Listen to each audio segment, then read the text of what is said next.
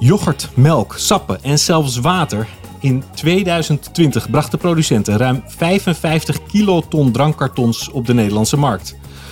Om tot een circulaire economie te komen, moeten al deze drankkartons ingezameld en gerecycled worden. Hoe doet Nederland dat op dit moment en welke hordes zijn er nog te nemen? Leuk dat je luistert naar deze podcast van Change Inc. Ik ben Pieter van der Werf en bij me te gast zijn Frank van der Wal, Sustainability Director van Tetra Pak, en Erik Petersen, directeur Agricom Nederland. En dat is een recyclingsbedrijf. Heren, hartelijk welkom. Frank, toch eventjes, want uh, bij Tetra Pak uh, heeft iedereen wel een voorstelling, maar even kort, wat doen jullie?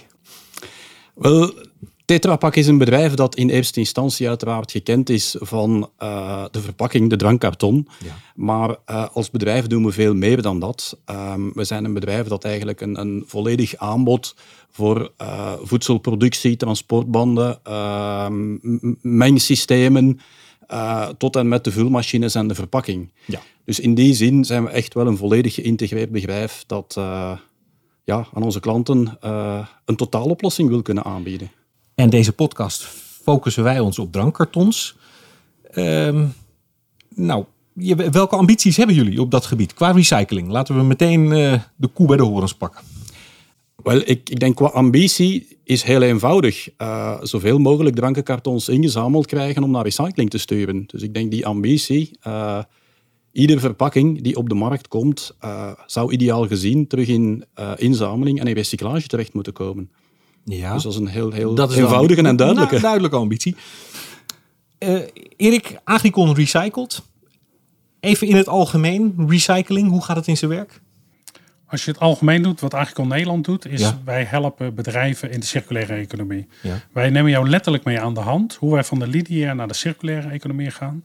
Dus wij zijn heel breed bij verschillende retailers zijn wij onder andere actief en bij andere bedrijven. En de drankkartons hebben wij in het verleden ook beet gehad. Waardoor we eigenlijk, voor ons is een drankkarton een product wat 100% recyclebaar is. Omdat je een aantal producten in die drankkarton hebben zitten, als je die goed kan scheiden, opnieuw nuttig kan toepassen. En dat hebben wij een poosje geleden hebben wij dat gedaan. Dus dat materiaal voor ons is een grondstof waar we een volgende stap mee kunnen doen. Wil ik zo alles over weten. Uh, even een stapje terug, want nu je hier toch bent, ben ik daar wel heel benieuwd naar. Uh, even kijken, als ik naar mij, uh, bij mij thuis kijk, wij scheiden afval, uh, plastic ja. en in ieder geval melk en yoghurtpakken komen in één bak. En blik zit daar nog geloof ik bij. Dan heb je GFT ja. en restafval. En soms papier ja. en de glas kan je apart houden. Ja. ja. En glas gaat naar de glasbak. Klopt.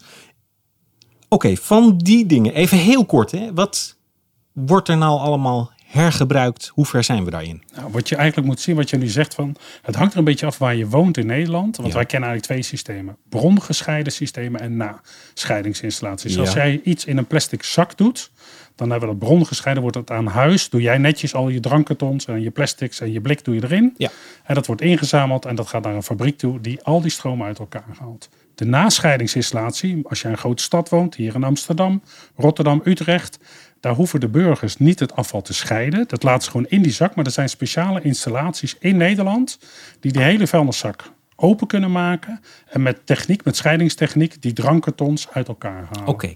Eh, nu je hier toch bent, dat heb ik me altijd al afgevraagd, van al dat plastic uh, en drankkarton wat ik in die zak apart uh, ja, eigenlijk bewaar en, en dan weggooi. Ja. Wat gebeurt daar dan mee bij jullie?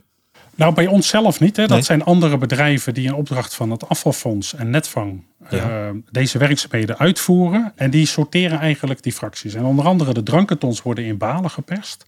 En die gaan via Netvang gaan die naar gespecialiseerde bedrijven die die drankkarton recyclen. Dus die trekken die drankkarton uit elkaar, waardoor je eigenlijk twee fracties krijgt. En het plastic, weet je, weet je dat toevallig? Hoeveel... Ja, een deel van het plastic, de percentages. Ja, heb, ik, heb ik, me altijd afgevraagd. Nou, dat, zijn, het zijn, ik denk dat we het nog wat beter moeten doen in Nederland op het gebied van plastic recyclen. Uh, wij doen nog wat en wij weten ook nog dat er een deel van het materiaal niet wat wij noemen niet gedesigned is voor recycling. Nee. En uiteindelijk jammer genoeg dan toch nog naar de verbranding toe gaat. Oké, je begon er net al over uh, de, de drankkartonnen. Uh, wat is jullie ervaring daarmee? Wat mijn ervaring is. Hoe, ja, hoe gaat dat? Wij hebben materialen in, uh, vanuit Nederland mogen recycleren. En ook uit, uit het buitenland, onder andere uit België. Ja. En dan hebben wij een uitdaging in Nederland dat wij heel veel zuivelproducten in dat product hebben, in die drankkarton hebben zitten. Ja. Je moet altijd voorstellen dat altijd wat restmateriaal achterblijft in het drankkarton. En dan moet je tijdens je recyclingproces rekening mee houden. Dus dat heeft dat is mijn restje yoghurt. Ja, als jij je pak niet goed leegmaakt, ja. ja. dan zit dat nog in dat product. Ja. En dat komt tijdens het recyclingproduct komt dat in de recycling terecht. En dan moet dat bedrijf die die drankton recycelt, die heeft daarmee te dealen. En die moet daar een oplossing voor uh, verzinnen. Ja. En dat is in Nederland, is dat, laten we zeggen, in België zijn de drankkartons eh, schoner en leger. Beter recycleerbaar dan in Nederland. Ja, nou hoe dat in België gaat, ga ik zo nog uh, uh, vragen. maar nog eventjes, want dat weten jullie vast ook wel. Daar begin ik vaak een beetje te twijfelen. De gewone melk- en yoghurtpakken, weet ik, die moeten bij het plastic. Maar als je nou van die drankkartons hebt waar een uh, soort metalen coating in zit, of dat nou geen aluminium probleem. is, geen probleem. ook. Ma nee. Maakt inderdaad nee. geen verschil. En ik denk heeft louter te maken met het type product dat verpakt wordt. Um, waar typisch producten in het koelschap, dat je die aluminiumlaag niet nodig hebt, omdat de houdbaarheid van die producten beperkt is. Ja. En typisch producten voor lange houdbaarheid, die je gewoon uh, in de winkel vindt, uh, die producten hebben typisch wel een aluminiumlaagje, maar die komen allemaal tezamen in dezelfde inzamelbak terecht. Ja. Uh, die gaan naar dezelfde sorteerinstallatie en komen in dezelfde recyclingtoepassing terecht. Okay. Dus vanuit die optiek maakt dat eigenlijk geen enkel verschil. Het woord België viel al even. Ja. ik, kan mij voorstellen dat dat ook tevens jouw vaderland is, als ik zo Absoluut. Hoor, uh, maar misschien kan je vertellen, uh, qua inzameling van drankkartons en verwerking, is er een verschil? Nu niet meer. Nee? Uh, in die zin dat uh, in België de inzameling van drankkartons reeds heel lang bestaat, van in de jaren 90. Ja. Uh, samen met plastic verpakkingen en metalen verpakkingen. En um, zoals Erik aangaf, dat dat uh, altijd mooi naar uh, een sorteerinstallatie gaat om uh, die materialen dan uit elkaar te halen, zodanig dus dat ieder van de individuele materialen naar aangepaste recyclinginstallaties kan gaan. En um, Nederland is met inzameling van drankenkartons maar gestart in 2015, Ja. dus al bij al nog relatief jong. Um, maar is ook intussen geëvolueerd naar een systeem dat uh, vrij vergelijkbaar is uh, met het systeem in België. Uh, met een inzameling van wat men ook wel eens PMD noemt. dus de plastic verpakkingen, de metalen verpakking en de drankenkartons. Ja. en die eigenlijk op een gelijkaardige manier nu gaan gesorteerd worden en gerecycled worden als in het Belgische systeem. Nou, maar dan gaan we eens kijken of dat inderdaad zo is. Want ehm, het kan natuurlijk wel zijn dat we het op dezelfde manier verzamelen, maar wordt het ook op dezelfde manier verwerkt? Met andere woorden, want ik begrijp dat wij hier nog best wel wat capaciteitsgebrek hebben als het gaat om drankkarton eh, recyclen. Of is dat hetzelfde ook in België? Ook België heeft geen eigen installatie voor uh, recycling van drankkartons. Um, en wordt er beroep gedaan op installaties in de omliggende landen. Ja. En dus als we gaan kijken naar, naar Benelux, dan denk ik zijn de meest evidente oplossingen uh, bedrijven in Frankrijk, Duitsland uh, of in sommige gevallen iets verder. En dus het zijn eigenlijk dezelfde type bedrijven waar die materialen terecht gaan komen. Met één verschil. Ja. Als ik daar onmiddellijk op kan inspelen, um, dat is dat, zoals Erik aangaf, zijn er in Nederland twee systemen van inzameling en scheiding. De bronscheiding, en dat systeem is perfect vergelijkbaar met het Belgische systeem. Ja. Daarnaast heb je het systeem van nascheiding, wat vrij specifiek is en wat in België niet bestaat. Oké. En waar Ook niet in de grote steden voor Nee. de mensen op de, nee, de dus hogere we hebben etages. enkel een systeem van bronscheiding, inderdaad. Nou, dat klinkt wel netjes. Uh, ja, Moeten wij daar ook naartoe? Uh, ja, Ja, oké. Dat is duidelijk. Hey, even concreet. Gewoon een drankpak. In hoeverre is dat nou recyclebaar of niet? Uh, dan kan je van mijn antwoord is volledig recyclebaar. Volledig recyclebaar. Neem mij eens even mee, want het is vast niet alleen karton wat erin zit. Je hebt al gezegd, mijn restje yoghurt zit er nog in. Dat klopt. Maar als je gaat kijken van de huidige verwerkingsmethode voor een drankkarton, is dat je een drankkarton in een baal gaat aanleveren bij een papierfabriek. En die papierfabriek heeft speciale installaties waarin ze die drankkarton kunnen oplossen. Ze gaan eigenlijk de papiervezel losweken Ja. van die drankkarton. Ja. En op een gegeven moment zeggen ze van oké, nu hebben we genoeg vezels eraf gehaald. Dan blijft er een materiaal over. Dat noemen wij een papier reject. Ja. En daar zit die kunststof, daar zit een kunststofdop in. Daar zit een kunststofcoating kunnen aan zitten. En daar kan ook soms een klein beetje aluminium aan vastzitten. Oké, het is of een coating of aluminium of soms ook nog het alle drie. zit, het zit bij elkaar. Dus vaak zit zit het, het aluminium zit altijd aan, de, uh, aan het kunststof uh, vastgemaakt. Wanneer heb je eigenlijk aluminium nodig? Want bij, bij, melk heb je dat niet nodig. Bij melk heb je het nodig afhankelijk van de houdbaarheid van het product. Oh, dus lang houdbare melk? Lang houdbare melk, daar ga je typisch die aluminium inderdaad vinden. Gewoon in het koelschap heb je het niet nodig. Oké. Je zegt, alles kan gerecycled worden. Ja. Ook een beetje tegen uh, economische voorwaarden, als je begrijpt wat ik bedoel. Uh, is het rendabel? Loont het? Of is dat verschrikkelijk duur? Nee, je moet, wij, wij maken dingen ook graag financieel. Dus wij, je moet eigenlijk kijken. Het, is, het zijn twee grondstoffen die je in je handen hebt. Staan op het moment als je het kan scheiden, heb je een papiervezel. Ja. En die papiervezel die kan heel nuttig worden toegepast in de papierindustrie. En je hebt een kunststof over. Dat noemen we een polyal. Dat is dat is een, een kunststoffractie waar een aluminium deel in vast zit. En dat kan je granuleren en daar kan je een korreltje van maken. Oké. Ja. En om misschien oh, specifiek op het papiergedeelte even in te gaan. Ik denk een van de hoofdredenen waarom drankenkartons net interessant zijn in recycling, is dat men gebruik maakt van uh, wat we virgin materiaal noemen, nieuw materiaal. Um, en dat heeft de eigenschap van heel hoge kwaliteit te zijn. En het is net omwille van die hoge kwaliteit papier dat heel veel papierbedrijven net geïnteresseerd zijn um, om daar uh, nieuwe producten van te kunnen maken. Oké, wat maken we er dan weer van? Goh, iedereen kent altijd het eerste voorbeeld, het hygiënepapier. Um, en het wordt... Nee, nee, nee. Ik, wel, uh, toiletpapier. Ja, toiletpapier. Ja, toilet, toiletpapier, hygiënepapier. Um, wat, wat vaak al wel eens wordt afgedaan als het voorbeeld van, zie je, je kan er niks anders mee. Uh, ik durf zeggen um, dat drankkartons een van de weinige kwaliteiten zijn waar je net naar die toepassing mee kan gaan. Net omwille van het feit dat we dat toch heel graag netjes sterk hebben ja. op het moment dat we het gaan gebruiken. Dus dat, maar dat is een kleine toepassing. Het merendeel van de toepassingen gaat eigenlijk gewoon naar de productie van nieuwe kartonnen dozen. Oké. En dan zeg je dozen en niet mm, bijvoorbeeld weer drankkartonnen? Nee, we gaan het vandaag nog niet terug naar de drankkarton laten gaan, um, omwille van een aantal redenen. Ja. Um, ik denk in eerste instantie, een drankkarton is een product of een verpakking voor voedsel. En bij voedselveiligheid zitten we met een aantal beperkingen. Ja. Dus dat is een eerste reden waarom wij vanuit de inzameling nog niet onmiddellijk terug kunnen gaan naar de drankkarton. En wat zou er mis kunnen gaan met een stukje gerecycled drankkarton in een nieuw drankkarton? Goh, um, Zeker als er ook nog eens een coating... Ja, maar, maar uh, zo, sowieso, um, die normen zijn heel strikt. Okay. En door Waardoor het feit dat je nooit kan werkt. uitsluiten dat um, die vezel toch met andere substanties in, in contact gaat komen, um, ja, is ik- het risico ja? gewoon heel groot. Mag ik een suggestie doen? Nou, zeker. Als je in Nederland een drankkarton uit een brongescheiden eh, systeem uit de vuilniszak, dan is het theoretisch denkbaar dat je ook in contact komt met een luier. Ja, of noem maar Snap je? op. En Ja. dan heb je dus gecontamineerd materiaal aan de buitenkant. Ja. Dus het is niet wenselijk, ook al ga je een heel wasproces in, Nee. dat je dit soort producten food contact brengt. Dus Ja. daardoor En die contaminatie komt sowieso in het water terecht. Ja. Dus onrechtstreeks ko- komen de vezel daar toch mee in aanraking. Ja. Maar ik denk voor mij een belangrijke reden is, eigenlijk hebben we ook niet nood aan een drankkarton om terug naar een drankkarton te gaan. Nee. Omdat er perfect mogelijkheden bestaan in andere kartons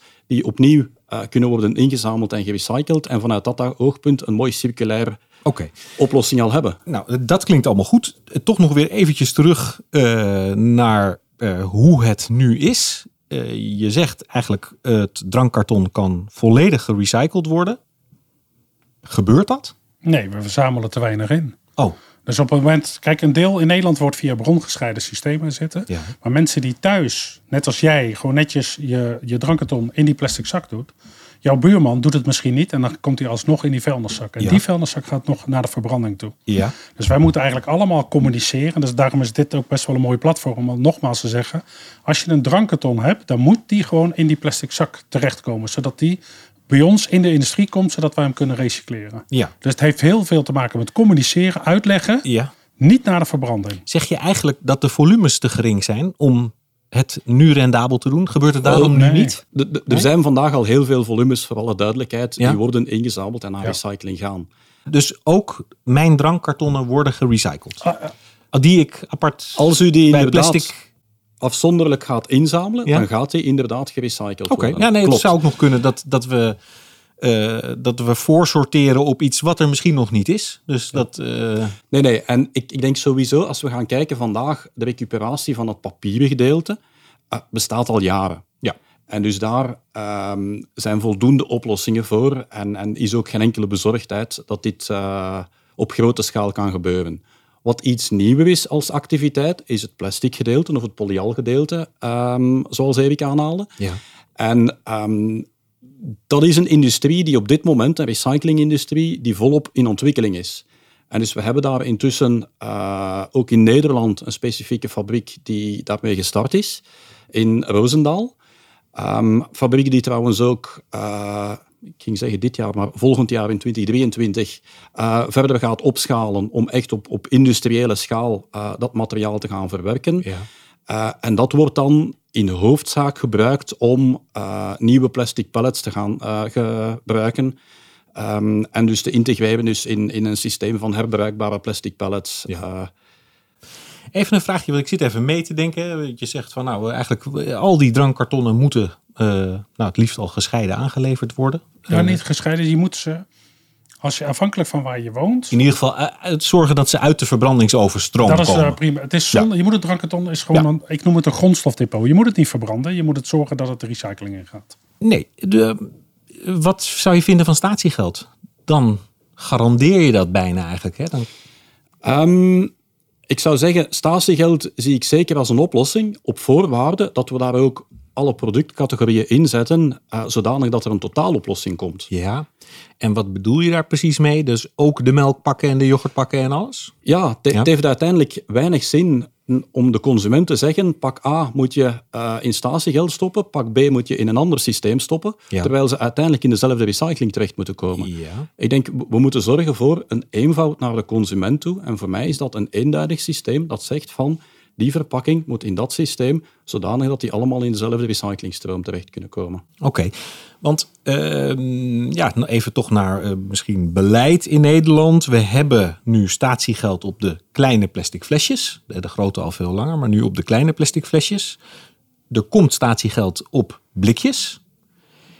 En nu, eh, de laatste tijd in de media verschijnen er wat verhalen dat nu opeens worden er drankkartonnen, kleine drankkartonnetjes uh, als zwerfafval gevonden, omdat fabrikanten wat mm -hmm. de neiging hebben om over te stappen naar uh, iets waar misschien voor de, wat voor de consument de laagste drempel heeft, namelijk geen statiegeld.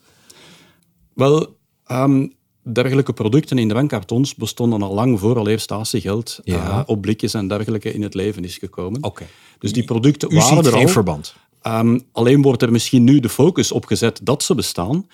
Um, ik denk dat is één element. Een tweede element is ook dat um, uiteindelijk als we naar prijs gaan kijken, die producten ook niet noodzakelijk goedkoper zijn voor de consument. Nee. Zelfs rekening houdende met het statiegeld. Ja. Dus het is zeker niet om een goedkoper alternatief te hebben dat de consument hier naartoe zou gaan. Even los van, dat vind ik ook wel leuk, dat is, um, even los daarvan, los van het statiegeld, wat is nou uh, economisch de voordeligste verpakking voor een flesje water, ik noem maar wat?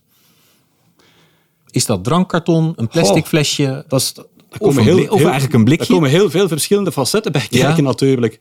Um, want dan zit je met productiekost, met, met uh, verpakkingsmateriaal, afvulkost en dergelijke. Ja, en um, u bent natuurlijk van de drankkartons, dus misschien dus weet nee, u ook niet ik, precies. Ik, ik, ik, ga inderdaad, ik, ik ga er geen uitspraak over doen, omdat er heel veel facetten bij komen kijken. Ja. Um, ik denk puur financieel durf ik er geen uitspraak nee. over maken. En klopt het, dat, ik bedenk het nu zelf, maar dat uh, we iets in een blikje doen als er prik in zit? Wordt vaker gebruikt, inderdaad, een blikje dan. Um, want drankkarton want met drankkarton, een coatingje, dat nee, is toch net niet... Nee, daar kunnen wij inderdaad nee. geen koolzuurhoudende okay. producten in verpakken. Nou, terug naar die recycling. Waar liggen nou de grootste uitdagingen? Wat gaat er nog niet goed en wat moet er gebeuren? Je hebt al iets gezegd over Um, ja, er moet meer de, de scheid, Ja, er ja. moet meer gescheiden... in Nederland moeten wij veel meer effort erin steken om te zorgen dat die drankkartons, maar ook kunststofverpakkingen ja. algemeen en de blik, dat we die eigenlijk uit die vuilniszak halen. Oké, okay, hoe, hoe moeten we dat doen? Heb communiceren, je daar over? communiceren, je uitleggen wat je ermee doet, laten zien wat je met die producten Gewoon doet. campagnes eigenlijk. Absoluut. En ook gewoon doen. Dus zorgen dat je uitleggen waar zitten nou die drankkartons Elke gemeente moet één keer in de zoveel tijd sorteerprestaties doen op hun eigen huishoudelijk afval. Ze weten uiteindelijk ook hoeveel afval er dan naar die verbranding toe gaat. Ja. En nu zitten wij iets over de helft. Frank, ik weet niet of het helemaal klopt. Qua de inzameling van drankkartons, van die 55 kiloton, wat meer dan de helft. Ja, we zitten al een stuk boven de helft die ingezameld wordt. Uh, dus in die zin zijn we zeker op de goede weg. Ik en wordt die helft, ja, sorry dat ik je onderbreek, wordt die helft dan ook gerecycled? Absoluut. Ja. Oké. Okay. Uh, uiteraard is het wel alles wat wordt ingezameld en gesorteerd, uiteraard, uh, gaat ook naar recycling. Oké. Okay. Um, is er genoeg capaciteit om dit werk? Nee, niet, In, niet, in, niet in België en Nederland. Dus uiteindelijk Frankrijk wij... werd net al genoemd. Ja, van... ja dus, dus uh, we zitten inderdaad uh, op dit moment met een afhankelijkheid uh, van een aantal bedrijven in het buitenland. is ook iets dat, dat zowel in België als Nederland op de radar staat naar de toekomst toe. Ja. Omdat meer inzameling van drankenkartons wil ook zeggen meer nood aan capaciteit. En ik denk dat is ook de reden waarom we specifiek vanuit Tetra Pak op zoek gaan naar mogelijke partners om bijkomende capaciteit te gaan zetten.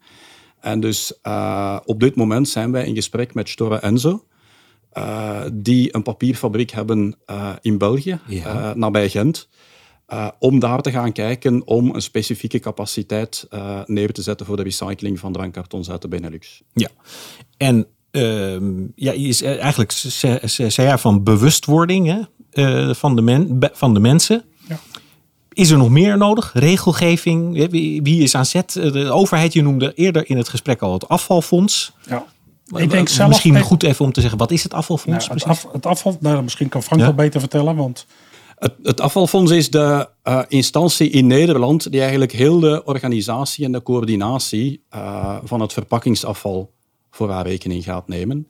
En dus in die zin wel um, ja, de ideale partij is tussen alle verschillende stakeholders um, om, om het allemaal mooi en netjes te gaan ja, organiseren. help me dan eventjes, wie zit er daarin? Zit de overheid daarin?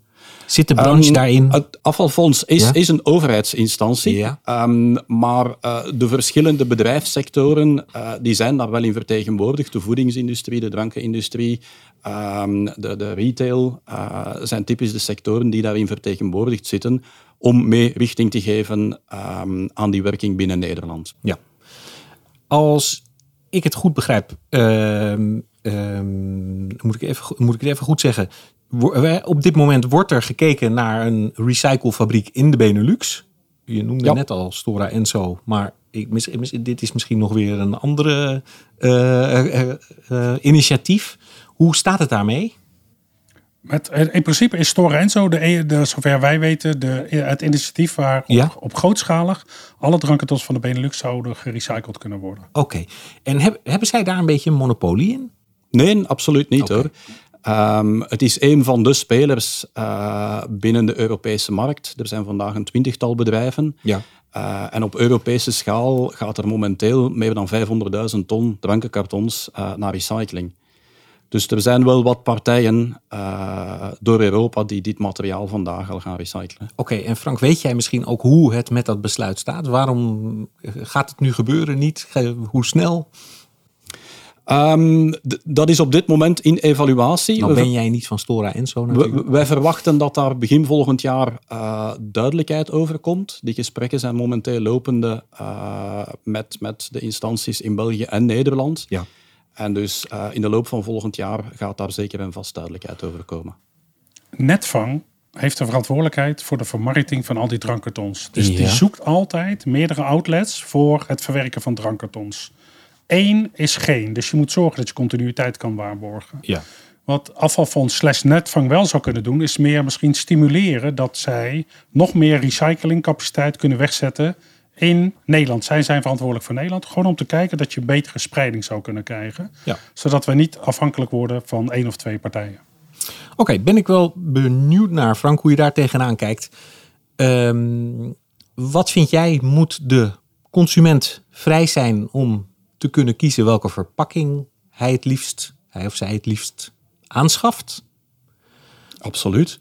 Oké, okay, of zou je kunnen zeggen van nou, Misschien moet de branche gewoon zeggen, joh, deze soort verpakking is zoveel beter voor het milieu of economisch gezien, ik, ik noem maar wat.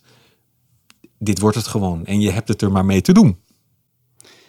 Ik, ik denk op zich, een consument gaat altijd een keuze maken vanuit een bepaald product met, en ik noem het eventjes, de perceptie die hij gaat hebben van een bepaalde verpakking, um, dat voor hem te maken heeft met het gebruiksgemak van die verpakking, de houdbaarheid van het product, dat moet gegarandeerd worden. Daar komen veel verschillende facetten bij kijken. En dus in die zin, iedere consument heeft daar een andere visie op en heeft andere behoeften. Ja. En ik denk dat net een portfolio aan product-verpakkingscombinatie nodig is om aan die verschillende behoeften te kunnen voldoen. Ja, en aan de andere kant zou je ook wel kunnen zeggen van de nood is misschien wel zo groot in de wereld om wat forsere stappen te maken qua circulaire economie. Uh, dat er de consument misschien wat meer leiding nodig heeft. Ja, maar dat is denk ik de verantwoordelijkheid van ieder verpakkingsbedrijf om um, met de richtlijnen die er zijn, en daar komt meer Europese wetgeving nu in dat kader, uh, maar om met die richtlijnen ervoor te zorgen dat een verpakking zo duurzaam mogelijk is en zo circulair mogelijk is. Dus ik, ik ben het wel met jou eens dat we uiteraard met z'n allen een verantwoordelijkheid moeten hebben om te evolueren naar verpakkingen die zo duurzaam mogelijk zijn en zo circulair mogelijk zijn. Ja. Um, ja, toch eventjes misschien uh, concluderend. Erik, je hebt gezegd, uh, die bewustwording moet vergroot worden. Maar wat is er nog iets wat er nou meer moet gebeuren om drankkartons succesvol te kunnen recyclen? Nou, ik denk zelf, als, je, als wij in mijn glazen bol kijken en we kijken over een aantal jaren verder uit, dat er mogelijkheden komen waarin we ook kijken dat er in een drankkarton bijvoorbeeld ook gerecyclede content in terug zou kunnen komen. Ik denk dat het op termijn, in tijd, technisch haalbaar is om daar ook bijvoorbeeld in de kunststoffractie gerecyclede content en dan niet via de mechanische route, maar via een chemische route. Dat je uiteindelijk ook daar gerecyclede content in kan verwerken. Maar help me nou eventjes, want volgens mij heb je me net uitgelegd dat in die vuilnisbak kan het in contact zijn gekomen met een luier. Dat klopt. En dus ja, dat doen klopt. we het niet. Ja, maar je moet, wij zitten in een. Ik, ik zit al 32 jaar ben ik actief in de afvalwereld. Ja. Dus we hebben die hele transitie meegemaakt en we gaan nog veel meer leuke dingen zien. En wij weten gewoon dat er, als je in tijd gaat kijken wat er nog bij gaat komen, is dat we hebben mechanische recycling, dat is nu de status. Maar er wordt op termijn, verwachten wij dat voor een aantal processen, chemische recycling gaat komen, waarin we een aantal van de producten waarvan wij zeggen, nou, die zijn misschien niet geschikt voor de mechanische recycling, maar zou je wel een andere kant uit willen, die gaan wel die kant uit. Dus uiteindelijk komt, is in een, over een aantal jaar, laten we zeggen vijf jaar, is een chemische recycling wordt een onderdeel van ons hele proces, waarin je ook grondstoffen kan produceren die weer terugkomen richting foodproof. Oké, dus eigenlijk zeg je gewoon innovatie. Het is puur innovatie. Ja. En, en ik zou zelfs een stapje verder durven gaan, want vandaag hebben wij dit al. Ja. Um, en bieden we dit in beperkte mate weliswaar al aan. Um, en hebben we recycled plastics uh, dat we kunnen aanbieden, uh, startende met de doppen. Alleen inderdaad, uh, omwille van opnieuw die regeling rond voedselveiligheid, um, kunnen we dat vandaag enkel doen vanuit een chemisch recyclingproces en is de beschikbaarheid van dat materiaal vooralsnog beperkt. Je hoorde als laatste Frank van der Wal van Tetra Pak en eerder ook Erik Petersen van Agricon. Beide hartelijk dank voor jullie komst. Dank ook voor het luisteren naar deze Change Inc. podcast en ik hoop tot de volgende keer. Dag.